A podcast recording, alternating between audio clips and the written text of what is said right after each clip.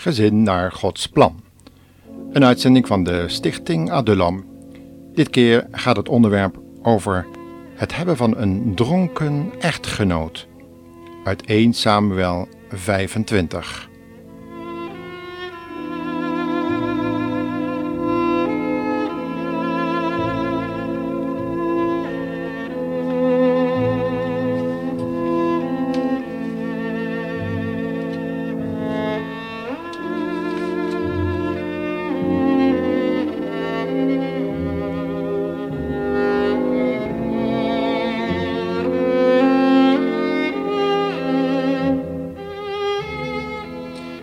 Ons vorige programma hebben we gezien wat het is om een spotlustige echtgenote te hebben.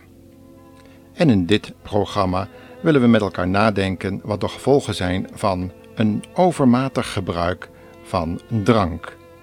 Ook dat gebeurt. Het kan natuurlijk drank zijn, alcohol, maar ook drugs.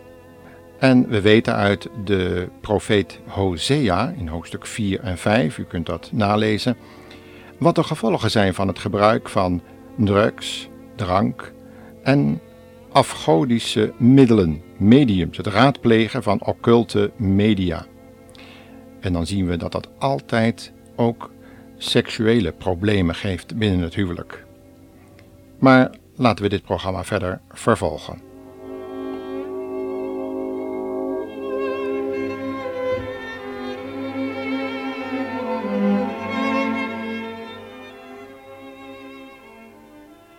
In het huwelijk wat we nu voor ogen krijgen, 1 Samuel 25 dus, zien we een godvruchtige vrouw die getrouwd is met een onverschillige, heerszuchtige en hardvochtige echtgenoot, die zich tijdens feestelijke gelegenheden door sterke drank laten beïnvloeden. Laten we eens lezen wat de Bijbel over dit echtpaar te zeggen heeft. We lezen dat dus in 1 Samuel 25, vers 2 tot 3. Daar staat het volgende geschreven.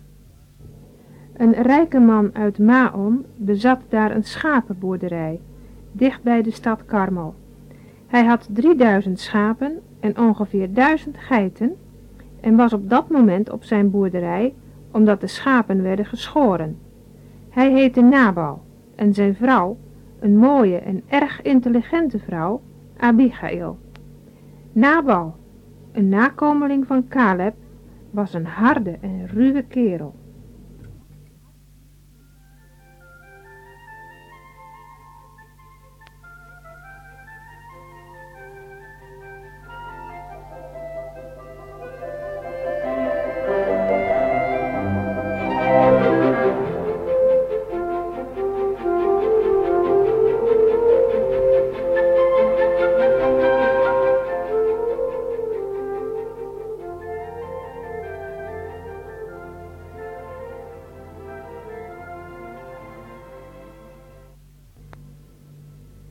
Wanneer we afgaan op de voorouders van deze ruwe Nabal, zou je kunnen denken dat iemand met zo'n diep gelovig voorgeslacht wel goed terecht moet komen.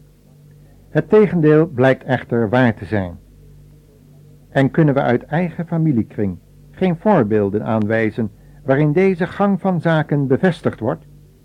Nogmaals zeggen we het, genade is geen erfgoed. Toch kunnen we van dit ongelukkige huwelijk veel leren. We zien namelijk dat God in het hart van Nabals vrouw gewerkt heeft, zodat Gods genade, liefde en trouw in haar leven zichtbaar is geworden. Vaak komt deze vrucht van Gods geest openbaar tijdens bepaalde crisismomenten in ons leven. Zo'n crisis bewerkt dan dat men wel moet kiezen, voor of tegen God reageren vanuit de emoties of het verstand, afwegend of je van de keus waar je voor staat al of niet nadelige gevolgen zult hebben. Of, er is nog een kant, radicaal kiezen voor de uitgesproken wil van God. Wat de gevolgen ook kunnen zijn voor de verhoudingen in je huwelijk, de groep waarin je je beweegt of je positie in de maatschappij.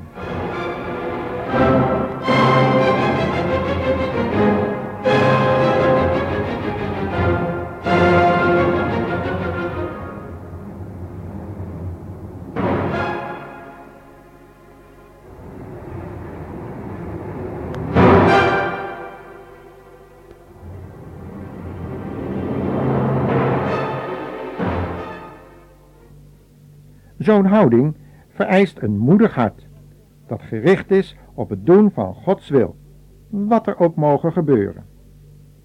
Abigail neemt zo'n moedige beslissing.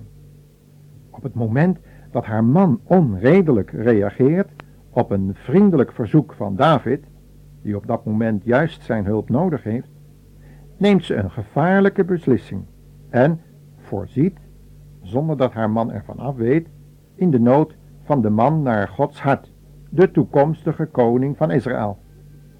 Ze gelooft hiermee Gods wil gedaan te hebben, om zo een middel in Gods hand te zijn om Gods plannen te verwezenlijken.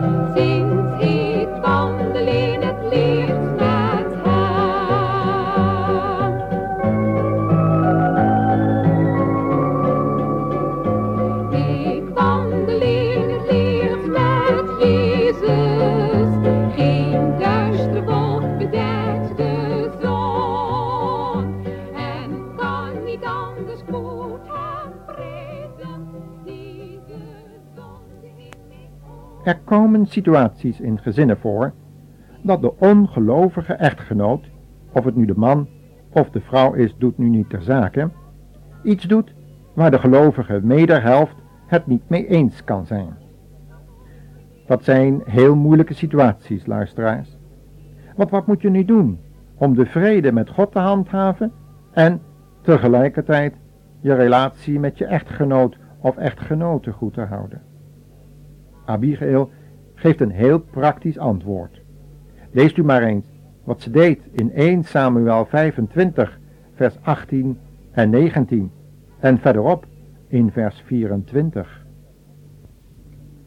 Abigail verzamelde snel 200 broden, twee zakken wijn, vijf klaargemaakte schapen, ongeveer 60 liter geroosterd koren, 100 rozijnenkoeken en 200 vijgenkoeken die zij op ezels liet pakken. Schiet maar op, zei ze tegen haar knechten. Ik kom wel achter jullie aan. Ze vertelde haar man echter niet wat zij ging doen. Toen Abigail David zag aankomen, liet zij zich snel van haar ezel glijden en boog diep voor hem. Ik neem alle schuld voor deze zaak op mij, mijn heer. Luister alstublieft naar wat ik zeggen wil.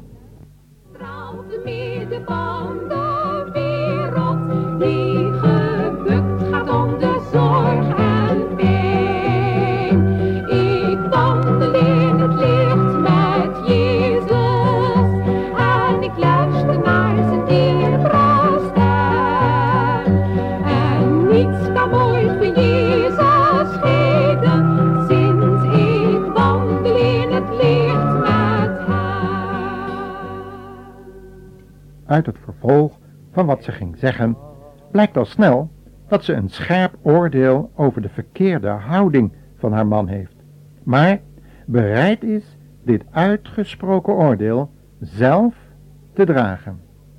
In feite doet ze hier iets wat meerdere gelovigen gedaan hebben in de geschiedenis, zoals Mozes toen de tijd zijn leven over had om zijn eigen ongehoorzame volk te sparen voor het oordeel en ook Paulus in het Nieuwe Testament. Maar bovenal zien we dit in de Heer Jezus, de enige persoon die in staat bleek dat oordeel over een zondige levenspraktijk van anderen te dragen en de gevolgen hiervan in eigen lichaam te ondergaan. Laten we dat maar eens lezen in Jesaja 53, vers 10, waar dit staat geschreven. Maar het was de bedoeling van de Heere dat hij werd verbrijzeld en met verdriet overladen. Wanneer hij zijn leven heeft geofferd voor de zonde, zou hij talloze nakomelingen krijgen, vele erfgenamen. Hij zal opnieuw leven en Gods voornemen zal bij hem in goede handen zijn.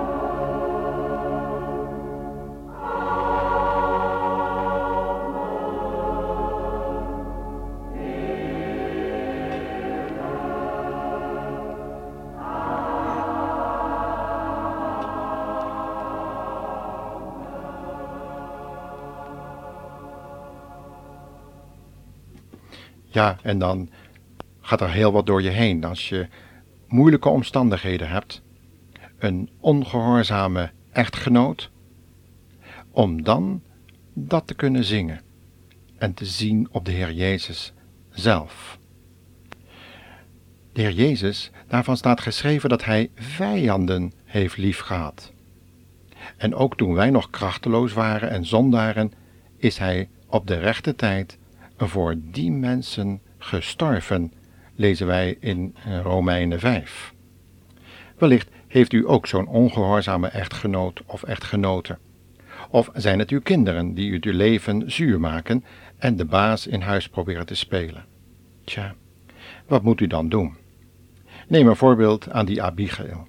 Vraag aan God in het gebed om wijsheid en neem een beslissing voor Gods aangezicht om Hem alleen te gehoorzamen en te doen wat Hij door Zijn geest in die situatie aangeeft. En u kunt dat altijd te weten komen door biddend Gods woord te overdenken en te luisteren naar de zachte stem van de Heilige Geest en om Zijn vrucht, de negenvoudige vrucht van de Geest, liefde, bescheidenheid, zachtmoedigheid, geduld, alles wat u kunt lezen in Gelaten 5, om dat in uw leven zichtbaar te maken. En een vrede die alle verstand te boven gaat, zal u bewaren in de liefde van God. Mogen God u daarin zegenen en onderwijzen